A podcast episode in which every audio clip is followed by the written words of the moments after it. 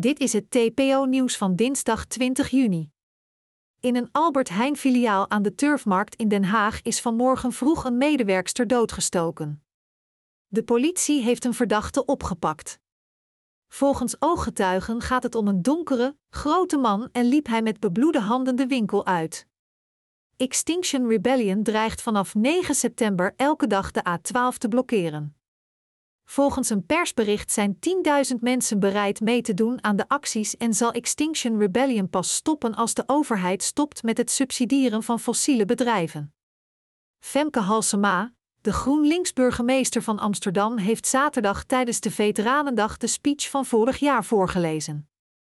Volgens Halsema zelf was dit per ongeluk. Dit was het TPO-nieuws van dinsdag 29 juni. Bedankt voor het luisteren en doei!